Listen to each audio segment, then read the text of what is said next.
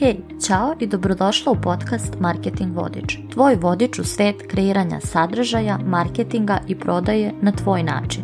One koji u skladu sa tvojim vrednostima, energijom i biznisom kakav želiš da izgradiš. Ja sam Katarina Stanković, biznis mentor i edukator i kroz ove epizode delit ću sa tobom jednostavne, ali konkretne i efektne step by step i behind the scenes strategije i resurse i pokazati ti kako da kreiraš sadržaj i prodaješ sa više samopouzdanja, lakoće, slobode, zabave i razigranosti nego što si ikada pomislila da je moguće. Ako si preduzetnica ili preduzetnica u nastajanju koja želi da izgradi i biznis koji ispunjava na jednostavan i tebi zabavan način, ovaj podcast je mesto na kom želiš biti. Pa hajde da počnemo! Najveći procenat moje prodaje dolazi sa newslettera, Newsletter pišem od prvog dana, što je u trenutku snimanja ove epizode oko dve i po godine. U avgustu će misli biti tri. I to je moja omiljena platforma za izgradnju zajednice, povezivanje sa publikom, a boga mi i za prodaju. Često me možeš čuti da ljudi svoje newsletter zajednice zove VIP ekipom. Oni to zaista jesu. U današnjoj podcast epizodi delim sa tobom pet ključnih uvida, lekcija i strategija posle tri godine pisanja newslettera i 150 poslatih mailova. Ove brojke nisam sama izmislila, ovo je po statistici na mailerlite Ove strategije koje ću podeliti sa tobom su mi omogućile da newsletter postane moj glavni kanal za izgradnju zajednice, ali i glavni prodajni kanal. Ljudi na mom newsletteru su oni koji imaju pristup ekskluzivnom sadržaju koji ne delim ni na jednom drugom mestu. I to je zaista tako, ne kažem to reda radi.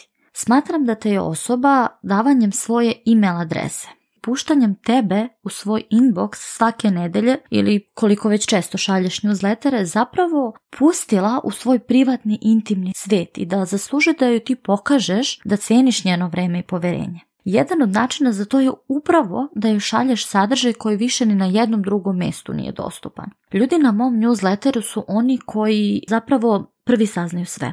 Imaju povlašćene cene, dobijaju od mene poklone iznenađenja, za njih kreiram specijalne ponude koje ne objavljujem javno. Uglavnom, oni su ti koji imaju priliku da zavire iza kulisa mog biznisa, iza mojih strategija, pobeda, greški, izazova i stvari koje nigde više ne pominjem. Kao što možeš da vidiš, moja newsletter ekipa zaista, zaista ima VIP tretman. Kad sam već kod toga, ako ti se dopad ovo što čuješ, a nisi još uvek na mom newsletteru, pozivam te da se prijaviš. Besplatno je, korisno, čitaćeš sigurno svaki mail sa papirom i olovkom jer je toliko vredan. A pored toga, obećavam ti da ne spamujem, već delim samo najkorisniji sadržaj.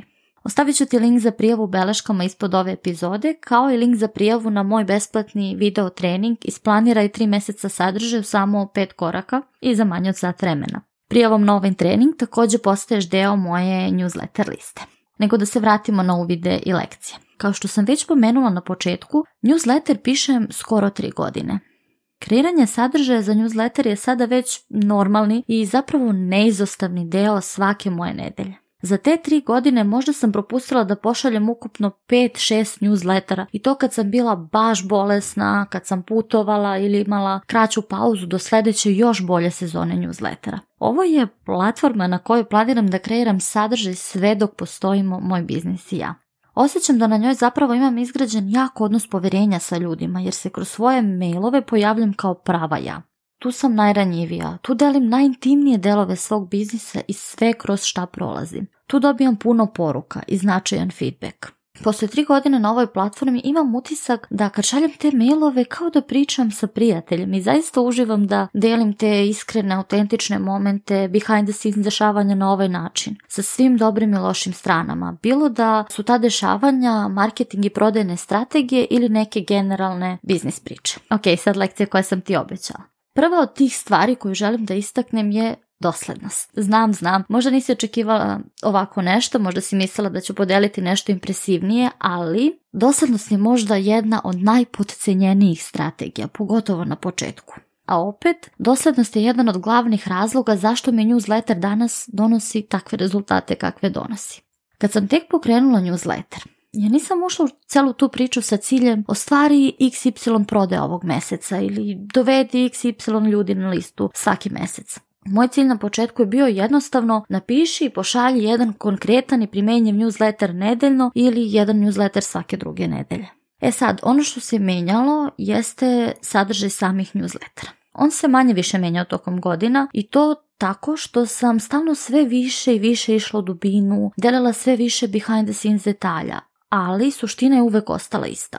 Uvek sam bila i ostala dosledna i uvek sam delila konkretne primenjive stvari. Kako ovo ti možeš da iskoristiš? Bilo da pišeš newsletter, bilo da tek planiraš da ga pokreneš, bilo da planiraš da kreneš da pišeš blog, da pokreneš podcast ili bilo šta drugo. Postavi da ti cilj u narednih šest mjeseci, recimo do godinu dana ili u nekom narednom periodu, može da bude manje od šest mjeseci, bude doslednost. Pogotovo ako to do sada nije bio slučaj. Kad kažem dosadnost, to ne znači da treba to da radiš svaki dan ili svake nedelje. Mnogo važno kod dosadnosti je da odrediš tempo koji ti prija. Naravno, postavlja i merljive brojčane ciljeve, ali se ne opterećuj metrikama i nastavi da se dosadno pojavljuješ, jer se tako grade ti duboki odnosi poverenja koji kasnije prirodno vode ka prodaji. A zapravo je lepo kad nije sve sa agendom i kad nije cilj uvek isključivo prodaja.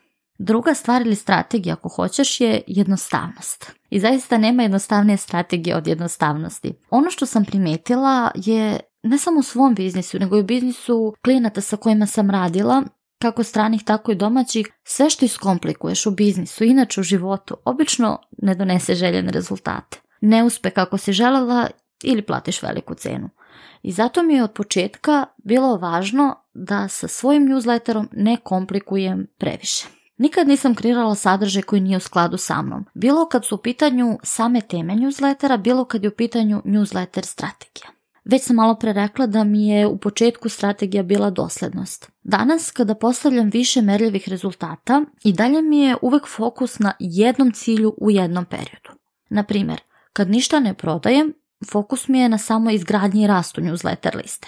To znači da ću ili kreirati novi lead magnet ili aktivnije promovisati i unapređivati postojeći. U periodima kad nešto prodajem ili lansiram, fokus je na prodaje, jel? Što znači da ću tada pisati prodajne mailove ili kreirati prodajnu sekvencu.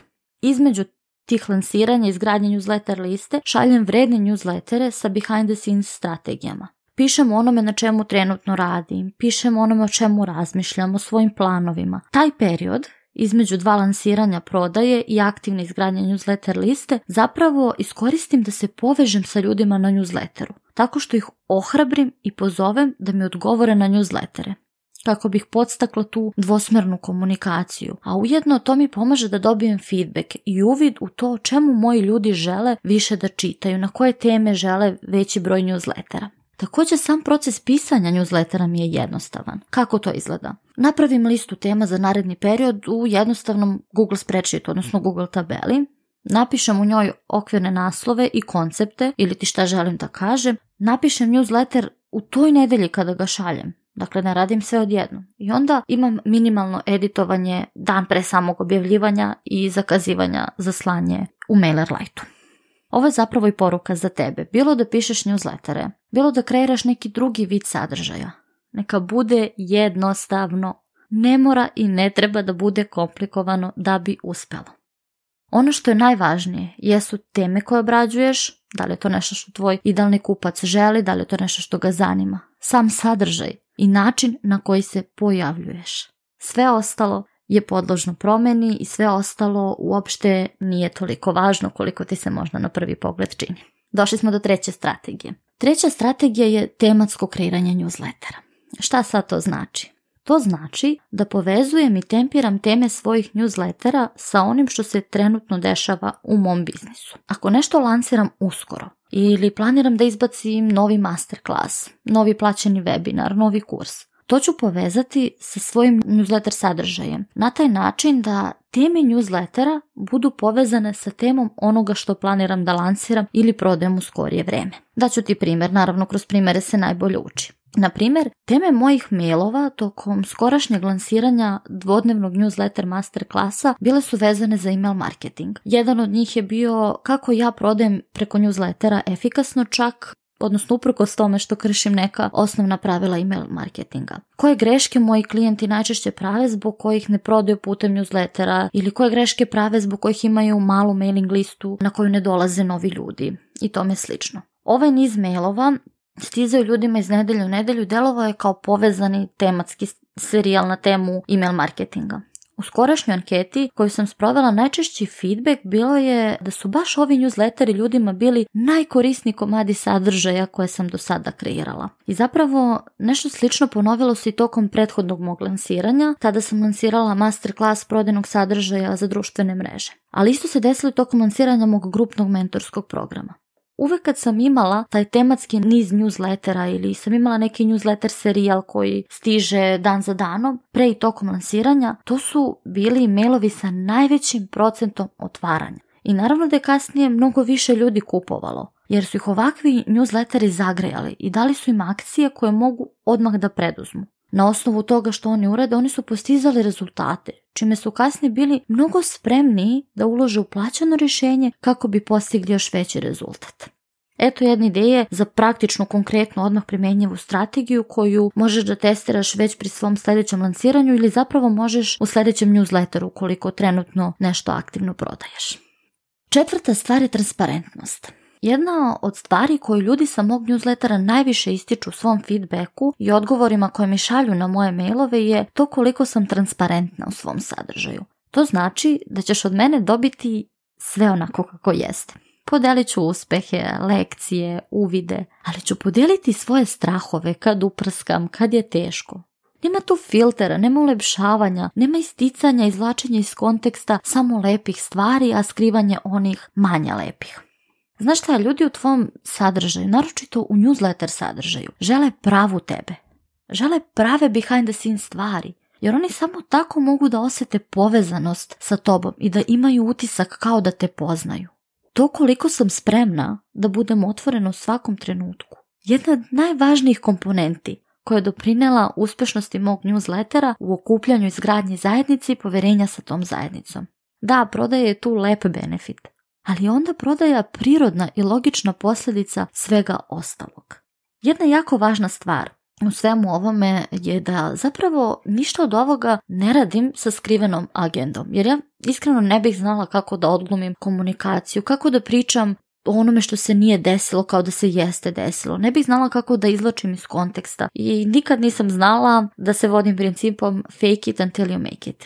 Ono što ovdje možeš da izvučeš za sebe je da pogledaš svoj trenutni sadržaj na newsletteru. Ako nemaš newsletter na nekom drugom mestu na kom aktivno kreiraš sadržaj i da se zapitaš da li ovo što delim u skladu sa onim ko sam ja zaista? Ako nije, ako moraš da ulepšavaš ili izlačiš iz konteksta, ljudi će to osjetiti. Ako nađeš neki takav komad sadržaja ili trenutno radiš na nekom takvom komadu sadržaja, briši to i kreiraj novi komad sadržaja u kome nećeš morati da ulepšavaš stvari, da ih izvlačiš iz konteksta ili bilo šta tome slično. Posljednja stvar koja je meni omogućila da imam uspešan newsletter je recikliranje. Ali ne onom klasičnom smislu u kom ti svi svuda pričaju. Da, naravno, svaki newsletter može da postane jedan ili više komada sadržaja za društvene mreže. Ali ja mnogo više volim da newsletter sadržaj to bude ekskluzivan sadržaj, koji samo u izuzetim slučajevima podelim kao mali, to ne najmanji isečak na Instagramu. Kad u pitanju newsletter sadrže, način na koji e, ja radim recikliranje je da ponavljam teme, ali tako što pričam o toj temi kroz drugu perspektivu, na drugi način ili kroz drugu priču i primjer. Ovo mi zapravo pomaže da uštedim vrijeme pri pripremi sadržaja i nije strategija koju stalno koristim, već kad smatram da je neka tema posebno važna ili ponovo aktuelna posle određenog vremena. Recimo, kada bih ti sada dala dva newslettera na istu temu koju sam napisala, nikad ne bi primetila sličnost i pomislila da je to reciklirana tema. Zašto mi je važno ovo da naglasim? Pa važno mi je da bi ti bilo jasno da ne mislim na copy-paste, recikliranje ili izvlačenje delova newslettera i lepljenje. Jedan način koji će ti također možda biti zanimljiv i relevantan kad je recikliranje u pitanju, a na koji ja nisam do sada, ali planiram da recikliram newsletter sadržaje u negujućoj sekvenci koju planiram da menjam na svakih nekoliko mjeseci. Također sam planirala da testiram da pretvorim ranije newsletter u zaseban besplatni resurs koji ću ponuditi novim ljudima koji se prijavljuju na moj newsletter u formi novih lead magneta, odnosno besplatnih resursa koje oni dobijaju kada mi daju svoju email adresu. Ako već neko vreme kreiraš sadržaj, prava je šteta da ga samo jednom kreiraš i da ispustiš, da iskoristiš sav njegov potencijal. Uvek razmišljaj šta još možeš da uradiš sa njim. Ja uvek za svaki komad sadržaja već znam kako ću ga još iskoristiti i zato se ne vezujemo mnogo za ishod i to koliko je nešto imalo lajkova, koliko je imalo otvaranja, jer uvek znam da postoji drugi način da iskoristim to što sam kreirala. To je ono kreiranje sadržaja pametnija, a ne teže. Eto, to su pet stvari koje smatram ključnima za uspjeh svog newslettera i za njegovu dugotrajnost zapravo. Ako i ti pišeš newsletter ili kreiraš neku drugu vrstu sadržaja koja ti donosi dobre rezultate, voljela bih da čujem šta je ono što ti smatraš presudnim za njegov uspeh. Ako to nije slučaj, javi mi koja od ovih strategija, uvida i lekcija najviše rezonuje s tobom i koju ćeš prvo testirati. Hvala ti što biraš da svoje dragoceno vreme uložiš u slušanje podcasta Marketing Vodič. Nadam se da ti ova epizoda bila korisna, kao i da ti je donela nove uvide ideje kako možeš da primeniš ono što si čula u svom biznisu već danas. Ako ti se ova epizoda dopala, pozivam te da je oceniš i napišeš utisak na svojoj omiljenoj podcast platformi. Ako još uvek nisi, istraži i preuzmi vredne, besplatne resurse u beleškama ispod ove epizode. Zapiši uvide i primeni ono što si čuo, a mi se slušamo ponovo već u narednoj epizodi.